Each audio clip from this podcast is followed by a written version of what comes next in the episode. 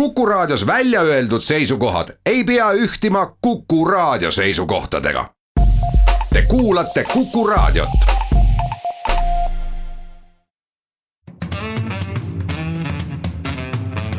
muuli ja Riikoja tere päevast, head kuulajad, kell on üksteist läbi ja et on reedene päev, siis on loomulikult ka saate Muuli ja Riikoja aeg ehk Kalle Muuli ja Hindrek Riikoja on stuudiosse tulnud. tere päevast. tänases viimases saates, kuna terve nädal on olnud selline pigem pühade lainel, siis pigem vaatame lõppevale aastale tagasi ja kõige esmalt räägime loomulikult poliitilisest olukorrast. valimised on toimunud sellel aastal, peaaegu kaheksa kuud on uus koalitsioon ametis olnud ja juhtunud on selle aja jooksul ühte koma teist isegi kahed valimised võiks ütelda, aga teiseks räägime eh, dopingusaagast, rahvusvahelisest skandaalist, eh, mis puhkes siis Eesti suusatajate ja. ja suusatreenerite ümber ja, ja vähemalt siiamaani on siis jõudnud selleni, et eh, Eesti legendaarne suusatreener Mati Alaver on dopingule kallutamises ka süüdi kriminaalkorras mõistetud või õigemini kokkuleppemenetluses siis äh, karistatud räägime ka rahapesust, hakkas juba tegelikult rahapesuskandaalid hakkasid üles kerima eelmistel aastatel, aga tänaseks oleme siis jõudnud olukorda, kus puutumata ei ole sellest jäänud ükski Eesti suurpank. kõik teemad on kuidagi peale poliitika sattunud sellised negatiivsed ja, ja, ja noh, peaaegu et kriminaalsed. viimane küll mitte, aga kui, kui aega saame, siis või aega jääb, siis räägime Tallinna Tehnikaülikoolis puhkenud teaduse rahastamisskandaalist, mis, mis siis seisnes selles, et teadlastele justkui maksti raha tööde eest, mida nad ei teinud ja, ja teiste inimeste tööde eest ja, ja praegu on see jõudnud siis äh, sellesse faasi, et Euroopa äh, komisjon kontrollib, kas siis rahastamine on olnud reeglitepärane või mitte. muuli ja Riikoja aga nagu lubatud, alustame poliitikaga. märtsi alguses olid meil parlamendivalimised eelmise aasta lõpus ja selle nädal, selle aasta alguses äh, kõik jutusaated ennustasid ka valimistulemusi, ennustasid ka valitsuskoalitsioone ja no tegelikult võib küll öelda, et Kalle muidugi tõttab kohe täpsustama, et tema just niimoodi ennustas, aga tegelikult ega valdav, valdav osa inimestest ei uskunud veel eelmise aasta lõpus või selle aasta alguses, et EKRE tõepoolest ka valitsuskoalitsiooni pääseb. Sina, Kalle, meie aasta esimeses saates viskasid nii-öelda kolm koalitsioonivarianti õhku ja ütlesid, et kõige tõenäolisemaks siiski pead äh, just nimelt Keskerakonna, Isamaa ja EKRE liitu, aga no seda võib selle tulemuste põhjal öelda küll, et Eesti poliitiline kultuur on selle aastaga tublisti muutunud äh, nii-öelda inimeste taluvuspiir on äh, jupp maad edasi nihkunud, see, mida poliitikud võivad endale lubada, just oma väljaütlemisi ja kõike. mille peale natukene virisetakse, aga midagi suuremat ette ei võeta, neid piire on edasi lükatud. ja kokkuvõttes äh, ma arvan, et äh, kasuks see siiski kellelegi ei tule ma seda taluvuspiiri arvan, et see on äh, kogu aeg olnud seal, kus ta on, lihtsalt keegi ei ole proovinud, kus kohas ta on, et.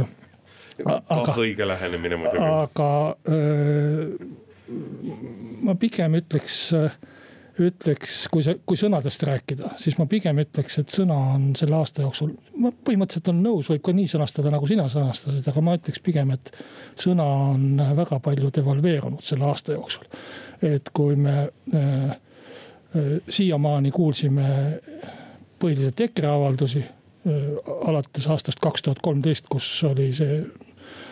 kui on must, näita ust ja, ja, ja. paneme kohtunike pead veerema. ja, ja muud sellised asjad, siis tegelikult äh, sel aastal on see muidugi jätkunud ja võib-olla isegi suurema hooga. aga kui me vaatame siis ka kõrvalt, teiste poliitikute sõnad on läinud peaaegu et sinnasamma auku, kus on EKRE sõnad aga neist sõnadest ei tehta ka enam midagi välja, need ei maksa nagu midagi. kui opositsiooni liider tuleb ja ütleb, et peaminister on valmis oma riigi maha müüma ja sellele ei järgne prokuratuurist ega kaitsepolitseist mingit tegevust.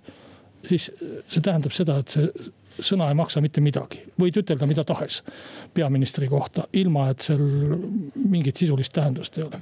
siis selle järel tuleb president ja ütleb, et valitsus on ohuks Eesti põhiseaduslikule korrale ja julgeolekule. ja jälle ei juhtu mitte midagi. Äh, äh, mina mäletan aastal üheksakümmend viis, kui Lennart Meri tuli Aktuaalsesse kaamerasse ja ütles, et kallid kaasmaalased, see ei ole enam skandaal. see on demokraatia kriis, siis mõni päev pärast seda valitsus kukkus. et tänapäeval ei reageeri ka sellele, kui president ütleb, et miski asi on ohuks julgeolekule, põhiseaduslikule korrale. ehk sisuliselt kõigutab meie riigi alustalasid. kõik saavad aru, et tegelikult mitte midagi sellist ei ole, et see on tühi sõnakõlks ja, ja mitte midagi ei juhtu. et äh, see on minu meelest äh, hästi halb. et äh, ka väga vastutusrikaste ametipostide inimeste sõnad ei maksa enam mitte midagi, et neid loobitakse nii nagu heaks arvatakse seal probleem on just nimelt selles, et see üksik sõna või üksik väljaütlemine ei pruugi nagu midagi muuta. aga kui neid üksikuid sõnu ja üksikuid väljaütlemisi kogumina hästi palju koguneb, siis mingisugusest hetkest käib see prõks ikkagi ära ja mingisugusest hetkest need probleemid tekivad. ja mingisugusest hetkest tekib ka, tekib oht demokraatiale, tekib oht äh, Eesti põhiseaduslikule korrale, tekib oht äh, tegelikult nagu, tegelikult sisuliselt meie nagu vabadusele, sest et äh, oleme ausad, meil on ka praegusel hetkel võimus võimul ports äh, poliitikuid, kes tegelikult ihalevad sellist äh, noh, ütleme siis äh, autokraatlikku valimis, valitsemisstiili, kus on üks erakond ja selle mõned juhid, kes ütlevad, kuidas on, kes määravad oma suva järgi jõustruktuuride juhte, kohtujuht, kohtute juhte ja nii edasi, nii edasi, nii edasi. ehk need demokraatlikule riigile olulised ala, alustalad saaksid nende poolt südamerahuga kõigutatud. ja kui me oleme kogu aeg nii leplikud ja nii vähe pöörame tähelepanu neile sõnadele, siis see olukord võib tekkida pigem varem kui hiljem. noh, kui inimesele on antud volitus, kui inimesele on antud volitus mingit ametimeest ametisse määrata, siis on normaalne, kui ta seda volitust ka kasutab, et selles ei ole midagi imelikku. kui sa pead silmas ütleme selliseid Äh, suuremaid skandaale lõppevast aastast nagu äh, kantsler äh, Lemeti vabastamine ametist seoses sellega, et ta ei saanud ministriga koostööd tehtud. Või katse vabastada politseiameti peadirektor Elmar Vaherit. siis tegelikult, kui sa vaatad nagu seda tulemust seal käituti täpselt vastavalt reeglitele ja, ja, ja selles mõttes. seal käituti vastavalt reeglitele, Lemetiga oli selles see, mõttes. see mittereeglipärane käitumine ei läinud läbi isegi, kui, kui keegi üritas seda. et noh, minister, kes läks tülli oma ja sekkus oma ametitesse, põllumajandusminister Mart Järvik et need ametidirektorid on ametis, PRIA direktor on ametis ja VTA, Veterinaaria ja Toiduameti direktor on ametis. ei ole, ta tead- või noh, selles mõttes veel on, aga ta teatas, et ta lahkub ja, küll mitte sellest sellest skandaalist tingitult. ta teatas, et ta läheb erasektorisse tööle ja tal on töökoht olemas, aga minister lahkus, mitte need ametnikud ei lahkunud. aga, aga mis ma tahan, millega ma küll nõus olen, on see, et ma ei tea, millest see tingitud on, võib-olla mulle endale tundub, et, et üldine selline meediakeskkond on nii emotsionaalne. et väga palju on sellist noh, kuidas ma ütleks, tühja hirmutamist või tühja sellist põhjendamatut sellist ohtude seinale maalimist, mille, mille taga tegelikult ei ole, et kogu see valitsuse ametiaeg on, on saadetud sellistest äh, tohututest hirmutamisest, mäletad, hakkas pihta. ma arvan, et kõige esimene asi oli see, et abordid keelatakse ära äh, no see ei olnud mitte meedia hirmutamine, vaid see oli osade nii-öelda koalitsioonipoliitikute nagu väljaütlemised, mida ajakirjandus kajastas. aga, aga kui me nüüd vaatame tagasi ajas, et see abortide teema läks täpselt sellises sõnastuses koalitsioonileppesse, nagu ta tookord üles kerkis. ja mille põhjal hakati siis inimesi hirmutama või arste hirmutama, et, et nüüd, nüüd abordid keelatakse ära, nüüd ja, juhtub aga, midagi. jah, aga vaata, mina ei ole sugu.... mitte midagi sellist ei ole tegelikult toimunud ju, see on tühi, tühi jutt ju. aga see on väga õige, et mitte, mitte midagi sellist ei ole toimunud, aga kui ei oleks olnud ajakirjanduse kisa, siis ei ole meil sugugi, meil ei ole mitte mingisugust kindlust. et eh, kui seda kisa ei oleks olnud, siis need asjad ei oleks võinud juhtuda, et see on selline nii-öelda, see on selline nii-öelda ennetav ja see oli. Ajakirjandus ei mõelnud midagi välja, vaid ajakirjandus kajastas nendesamade tollel hetkel nii-öelda koalitsiooni loovate poliitikute sõnu ütlusi ja lubadusi. panid tähele, ma ütlesin just, et täpselt samasuguses sõnastuses nagu ta oli tookord ja mille peale puhkes kisa, on ta siiamaani koalitsioonileppes ja mitte midagi ei ole juhtunud. et mitte midagi ei muudetud selle tagajärjel, selle kisa tagajärjel, vaid see kisa, kui sa nüüd selle abordi tood välja, siis see kisa kerkis üles siis, kui veel seda koalitsioonilepingut alles hakati kirjutamata, nii et see kirjutama, nii et sa ei saa öelda. ma tahtsin selle personaalia juurde korra tulla valitsuse puhul tagasi, et, et äh, Lemetti skandaal, noh see on maitse asi, kas, kas tegemist oli juhtimiskriisiga või millega. Valitsusel oli õigus Lemetit vabastada ja no valitsus vabastas ta. aga probleem on tegelikult, probleem on sel, on nendes kohtades, kui me räägime Elmar Vaheri äh, vabastamist, kui me räägime seda, kuidas EKRE torpedeeris äh, uue peaprokuröri ameti nimeta-, ametisse nimetamist. ehk vaata, need olid väga selgelt asjad, kus sõna võtvatel poliitikutel ei olnud õigus teha selliseid asju või öelda selliseid asju. siseministril ei olnud, ammugi mitte siseministri kohusetäitjaks olnud rahandusministril, ei olnud õigust äh, politseiameti, politsei ja piirivalveameti peadirektorit lahti lasta ja see ei läinud läbi. sisulist õigust ei olnud ka peaprokuröri nii-öelda ametisse nimetamist torpedeerida EKRE-l, ometi seda tehti ja seal see saavutati, sellepärast et tegemist oli ju puhtalt justiitsministri haldusalaga, valdkonnaga ja tegelikult ei ole midagi loomulikumat. kui justiitsminister valib välja sobiva isiku ja teeb selle ettepaneku valitsusele, see läheb valitsusest läbi, sellepärast et valitsuses kolleegid usaldavad teineteist tegelikult on nii, et kolm koalitsioonipartnerit peavad nõus olema, muidu valitsusest ei lähe ükski asi läbi. ja aga normaalne oleks see, et, et personali osas, kui ühe ministri haldusalas on mingisuguse ametikoha täitmine, siis ta täidab selle ja koalitsioonipartnerid usaldavad öö, eh, oma, oma kolleegi, aga. aga tegelikult Indrek on niiviisi, et keegi enam ei mäleta, aga kui Lavly Perlingut äh, määrati ametisse, oli probleem täpselt samuti, siis oli küll kaks erakonda ainult valitsuses, aga ka nad, nemad ei jõudnud äh, tükk aega kokkuleppele, kes see võiks olla ja lõpuks jõuti Lavly Perlingu peale kokkuleppele Reformierakonna ja sotside vahel. nii et see on täiesti tavaline probleem, aga sellest köetakse üles mingisugune kohutav äh, selline vandenõu või skandaal, sellepärast et EKRE on mängus. Äh, ma toon sulle sellise näite äh, mõttetute ohtude üles või selliste tühjade ohtude üleskloppimisest üks esimesi asi, mida, mida hakati rääkima, nüüd hakatakse piirama sõnavabadust kujutate ette, Martin Helme kirjutas Rahvusringhäälingu nõukogule ühe kirja ajal, kui ta veel ei olnud ministergi. ja, ja, ja see oli siis see ajend, mille peale president ilmus riigikogusse särgis Sõna on vaba. see oli ajend, mille peale terve meie ajakirjandus kisas, et sõnavabadus on nüüd ohus. paar inimest lahkusid isegi oma töölt. Üks küll Postimehest, teine Rahvusringhäälingust ja jätkasid pärast muidugi Rahvusringhäälingus saated, ilma et midagi oleks juhtunud. no, no me, me oleme natuke... siin istunud, oled sa tundnud kogu selle aasta jooksul, oled sa näinud ühtegi seaduseelnõud, ühtegi valitsuse otsust, mingitki akti mis viitaks sellele, et see valitsus tahaks kuidagi sõnavabadust piirata. oota, kõik asjad ei käi ainult. mina mäletan viimaseid selliseid asju ajast, kui reformierakondlane Rein Lang oli justiitsminister ja tegi mingisuguseid seaduseelnõusid.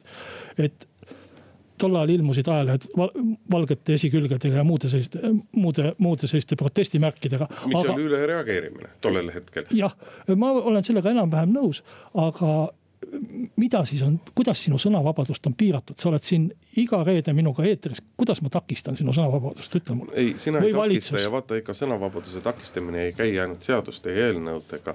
et sa muidugi üks asi, sa nagu maalid kuidagi pühad on sulle vist halvasti mõjunud. ei, mul on väga hästi hel,. helgust ja rahu ei ole sinu hinges, et sa näed kuidagi neid asju, meenutad palju dramaatilisemalt, kui nad olid, aga. nalja teed või kui see... president ilmub, äh, sõna on vabas särgis äh, parlamenti, tal ei ole enam muud viisi väljendada oma protesti sõnavabaduse piiramise vastu. no kui sa nüüd muidugi meenutad, siis tollel hetkel ei olnud küsimus mitte ainult nii-öelda poliitikute soovis. Äh, ütleme siis soovis, ärme ütle püüus, ütleme soovis sõnavabadust mingisugusel määral piirata, sellel ajal olid üleval ka diskussioonid teemal, et kas kuidagi ka meediaomanikud piiravad ja kas kuidagi on nagu nii-öelda poliiti-, vabandust, mitte poliitikutel, vaid ajakirjanikel endal eh, endal mingisuguse enese, mingisugune enesetsensuur. aga see oli selline nii-öelda komplekssem küsimus, mitte ainult poliitikutega seonduv, aga eks. ma olen sinuga selles osas nõus, et paljudes kohtades äh, ajakirjandus või õigupoolest osad ajakirjanikud pingutavad üle.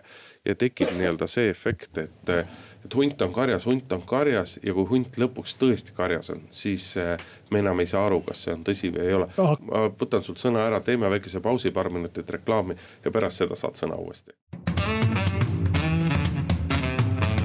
muuli ja Riikoja. jätkame saadet Indrek Riikoja ja Kalle Muuli, vaatame tagasi aastale, rääkisime siin poliitikast ja juba kakskümmend minutit oleme või ligi seda oleme rääkinud aga ma ei ole veel öelnud seda, mille poolest. ajataju on sul ka pühadega täitsa ära kadunud. mille poolest äh, äh, see võib-olla, et poliitika aasta eriline oli ja mille poolest need valimised ja valitsuse moodustamine tõesti eriline oli Eesti ajaloos et äh, see on nüüd äh, praktiliselt esimene valitsus alates üheksakümne viiendast aastast. ma kohe mõtlen, et kas ma, kas, et kas sa ütled seda, mida ma arvan, et sa ütled? ei, see on, see on esimene valitsus, kus pärast valimisi ei ole tulnud võimule Reformierakond. see on nagu selles mõttes hästi suur muutus. Reformierakond tähistas sel aastal oma kahekümne viiendat äh, sünnipäeva ja, ja kõik need, kogu see, kogu see aeg alates üheksakümne neljandast aastast on olnud nii, et alati on tulnud pärast valimisi võimule Reformierakond. ükskõik, kas siis valitsuse moodustajana või lihtsalt valitsuse ühe osapoolena. erand oli üheksakümne viies aasta aga ka seal olid nad väga lähedal valitsusse pääsemisele. Nad said enda kätte isegi parlamendi esimehe eh, koha, kuna vahepeal oli selline valitsuskoalitsioon kokku lepitud ja siis see muutis. aga kõikidel ülejäänutel valimistel kuni siiani välja on olnud see, et Reformierakond on valitsuses.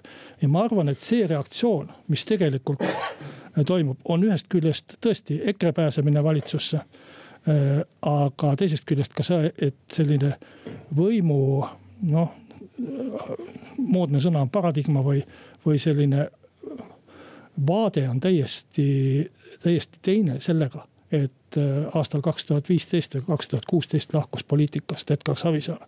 et Keskerakond vahetas juhti ja Keskerakond muutus valitsuskõlbulikuks. et tegelikult selle muutuse tagajärgi me näeme veel, veel selle valitsuse moodustamise juures. ja, ja, ja, ja me näeme tegelikult sellest aastast, et Reformierakond ei ole veel selle muutusega harjunud ja aru saanud, et olukord on poliitikas täiesti teistsugune. et nad ei saa enam olla sellised, nagu nad olid kõik need ajad, mil Edgar Savisaar oli poliitikas. ja mil oli kindel, et valitsuse moodustavad nemad, sest Savisaarega keegi valitsust ei moodusta. et sellepärast äh, oli ka valitsuse moodustamise algul tegi valimiste võitja äh, Kaja Kallas äh, mitu viga hakkas rääkima oma punastest joontest, noh see Reformierakonna tavaline stiil, mis oli. et tegelikult poliitikasse on saabunud aeg, kus valitsuse moodustab see, kes teeb koalitsioonipartneritele kõige paremad pakkumised koalitsioonilepingu näol ja kes eh, suudab eh, koalitsioonipartneritega kõige arvestavamalt käituda ja selles mõttes nagu eh, noh, Ratas, Jüri Ratas peaminister ületas kevadel nagu mäekõrguselt või, või tajus seda poliitilist olukorda äh, palju paremini. ja see suur muutus, ma arvan, võimendab seda äh, noh, sellist emotsionaalset äh, olekut, kuna kogu riik on harjunud sellega, et üks erakond on valitsuses ja teine on opositsioonis ja nii oleme me kakskümmend aastat olnud see on kummaline tõepoolest, et tegelikult on nüüdseks ju Reformierakond valitsuses teemal olnud äh, kolm aastat ja siiamaani ei ole Reformierakond sellega suutnud leppida ja oleme ausad, pärast valimisi oli Reformierakonnal siiski üksjagu reaalne võimalus ka ise valitsus moodustada või vähemasti ise valitsuses osaleda. aga Kaja Kallas, Kaja Kallas läks koalitsiooni läbirääkimisi pidama inimestega, kes ei olnud seda mitte kunagi tehtud ja koalitsiooni saatus tänu sellele otsustati väga ruutu koalitsiooniläbirääkimised möödusid väga edukalt, Reformierakonna kahjuks aga ei olnud nemad lihtsalt selles valitsuskoalitsioonis. ja Reformierakonnas endas on ju see siiamaani see peataolek täiesti olemas. Reformierakond on kogu aeg olnud välja väga üksmeelne erakond, mured lahendatakse sees, aga seda ei ole, seda ei suudeta jätkuvalt teha ja ma arvan, et ennem järgmiseid parlamendivalimisi vahetub veel korraga Reformierakonna esimees, aga siinkohal peame tegema pausi, pooltunni uudised ja siis oleme eetris tagasi.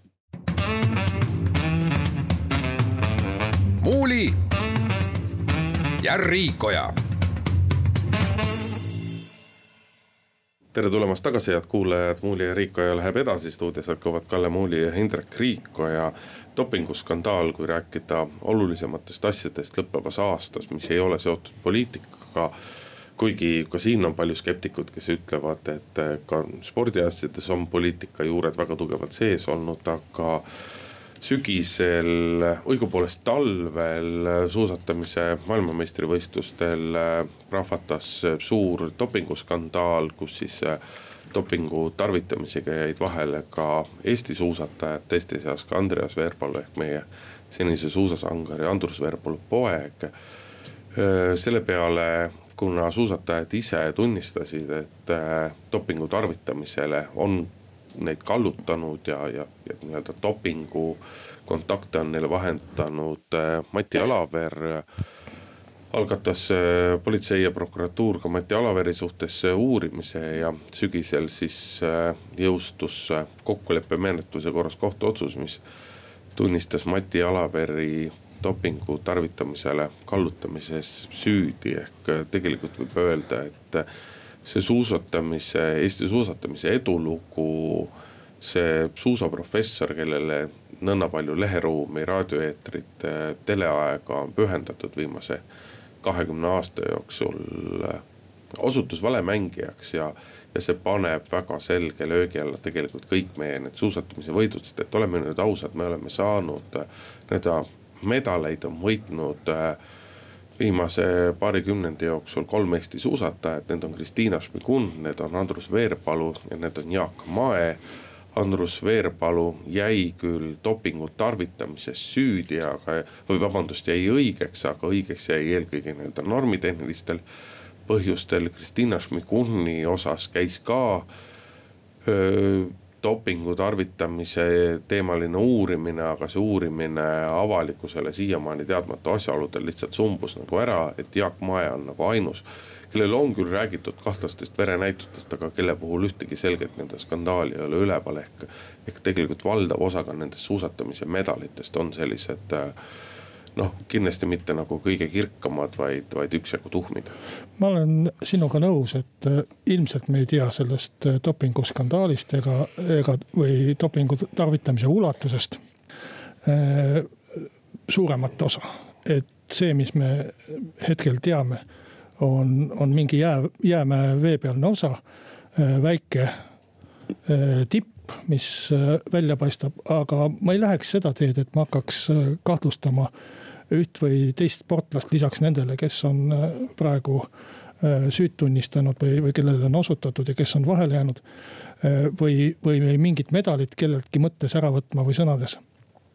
et mis on võidetud, on võidetud, ma pigem äh, mõtleks selles äh, dopinguskandaali taustal teises suunas äh, tegelikult oleks võinud see skandaal ära olla ja kogu puhastus ära olla aastal kaks tuhat üksteist kui Andrus Veerpalu jäi kasvuhormooniga vahele. ja kus äh, tal oli palju laiem seljatagune, kui praegu on nendel meestel, kes jäid veredopinguga vahele ma ise töötasin tollal Postimehes ja, ja toimetasin lehte neid lugusid, mis Veerpalu dopinguskandaalist rääkisid. kirjutasid neid Tuuli Koh ja Peep Pahv, olgu tervitatud.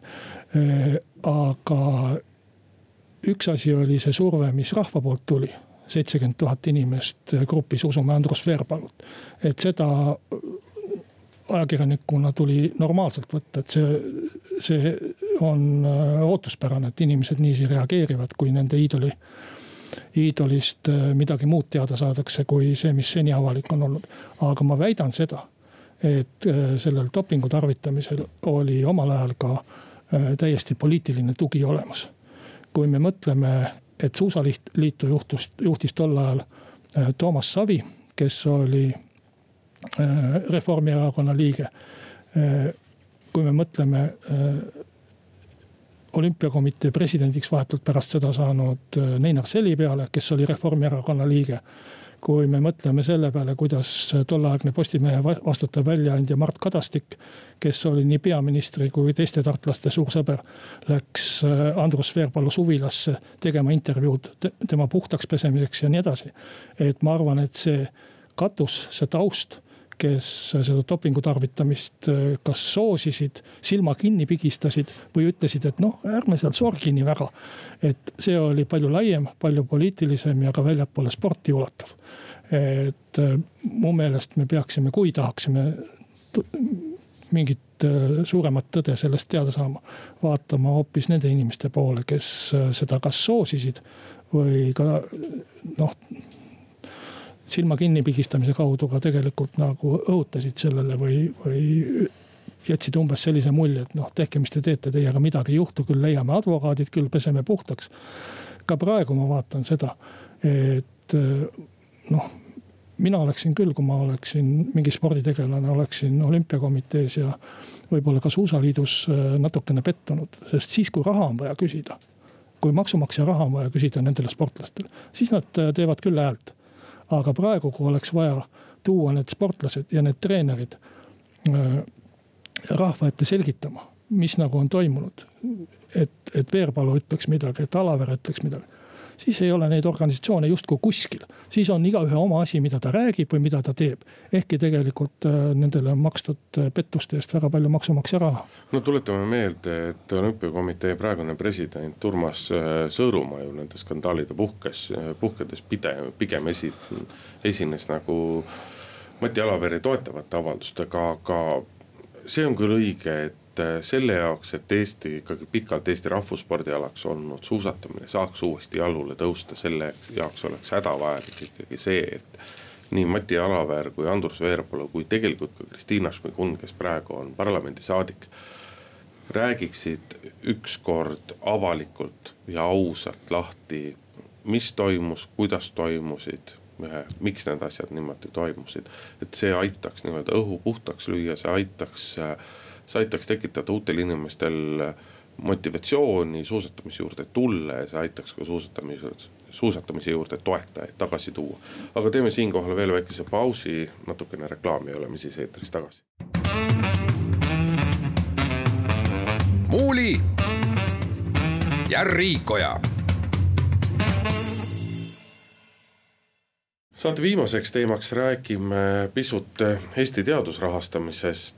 suvel nii-öelda lahvatas see skandaal Tallinna Tehnikaülikooli Nurkse instituudi ümber, kus siis Postimehe kaasabil näidati väga selgelt ära, kuidas Euroopa Liidust taodeldud abirahadest on makstud töötasusid inimestele, kes tegelikult nende programmidega sugugi seotud ei ole. kuigi TTÜ ise endal nagu väga suuri rikkumisi ei leidnud, on tänaseks teada, et Euroopa Komisjon on ka käivitanud mitmed auditid selles osas ütleme, et see Nurkse, Nurkse instituudis juhtunu võib-olla nii-öelda üksiku näitena ei olegi nii oluline, et me seda siin aasta viimases saates nagu aasta olulisemate teemade puhul peaksime välja tooma.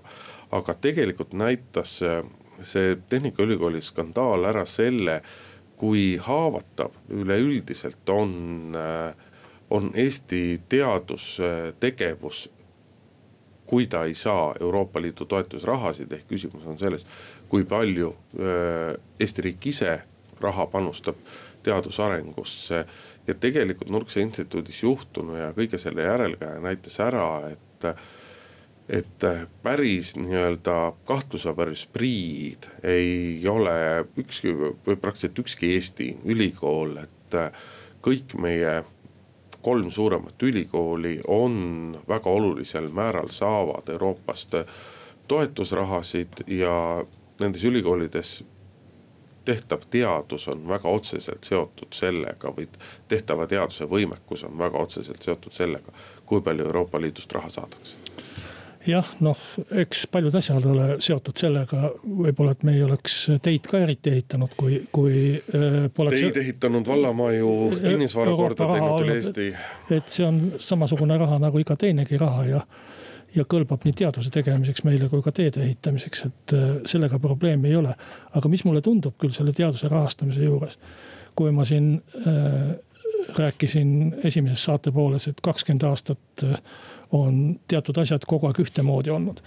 et meil on kuhjunud äh, selline terve hulk probleeme, millele väga pikka aega ei ole tähelepanu pööratud äh, poliitilise võimu poolt, mille kohta on nagu võetud selline hoiak, et noh, alati on nii olnud ja las ta olla niiviisi. et nad on ju ikka saanud, küll nad saavad nüüd ka. alates väidetest eelarve tasakaalu kohta, alates maksusüsteemist isegi maa maksustamishindadest ja, ja asjadest, no lükkame selle edasi, et jube keeruline ja, ja tuleb jube palju pahandust, kui me sinna hakkame oma äh, kätt sisse torkama, et ma arvan, et teaduse rahastamine on üks selliseid asju, mis, mis on samuti jäetud võib-olla selliselt poliitilisest tulepunktist kõrvale. just seetõttu, et äh, parem on sellega mitte tegeleda, siis ei, ei kõrveta oma käsi ära. Kui meenutad, siis umbes aasta tagasi sõlmiti ka üks teaduse rahastamise kokkulepe, kuhu kirjutasid alla. Äh, lisaks igasugustele presidentidele, ma pean igasuguste all silmas Teaduste Akadeemiat ja Eesti Vabariiki. Äh, kirjutasid alla ka erakondade esimehed ja noh, see, see nii-öelda kokkulepe näitab ikkagi seda, et sel kombel kuskil väljaspool parlamenti ja valitsust ei saa neid asju lahendada, et seda tuleb ikkagi vaielda parlamendis. tuleb äh, arutada valitsuses. Ja, ja see võiks olla noh, äh, ametis olev valitsuse järgmise kolme aasta, ma ei räägi järgmisest aastast, see on natuke liiga suur probleem ühe aasta ja aasta jaoks, järgmise kolme aasta selline suur väljakutse teaduse rahastamises äh, teha üks põhjalik inventuur ja, ja asjad korda seada.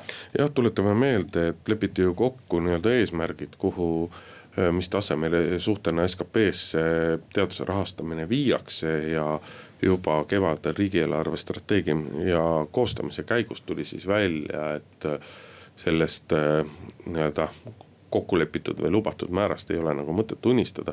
see on kurb eelkõige seetõttu, et teadusrahastuses on väga selgelt kinni ka meie nii-öelda majanduse tulevik ja meie riigi tulevik seeläbi, et, et need on väga selgelt üks-üheselt seotud, et, et mida rohkem me panustame riigina teadustegevusse, teadusarendusse, seda paremini läheb ka meie majandusel, seda paremini läheb meie ettevõtetel, seda haritumat tööjõudu on meie turul saada. ehk kui hästi läheb riigil ja ja, ja selle teel on ikka veel väga pikad sammud minna. no si siiani, siiani on läinud hästi, ütleme, see aasta on olnud hea, rahvaarv kasvab, majandus kasvab. Äh, kõik on positiivne, praktiliselt äh, noh, raske on tuua äh, mingisugust negatiivset numbrilist näitajat lõppevast aastast üldse välja. et et selles mõttes võime aastale päris kenasti tagasi vaadata. aga kaua see nii kestab, siinkohal peame tänase saate otsad kokku tõmbama, Kalle Muuli oli ja Hindrek Riik olid stuudios. ilusat aastavahetust ja meie kuuleme nädala aja pärast, aga siis on juba kahe tuhande kahekümnes aasta.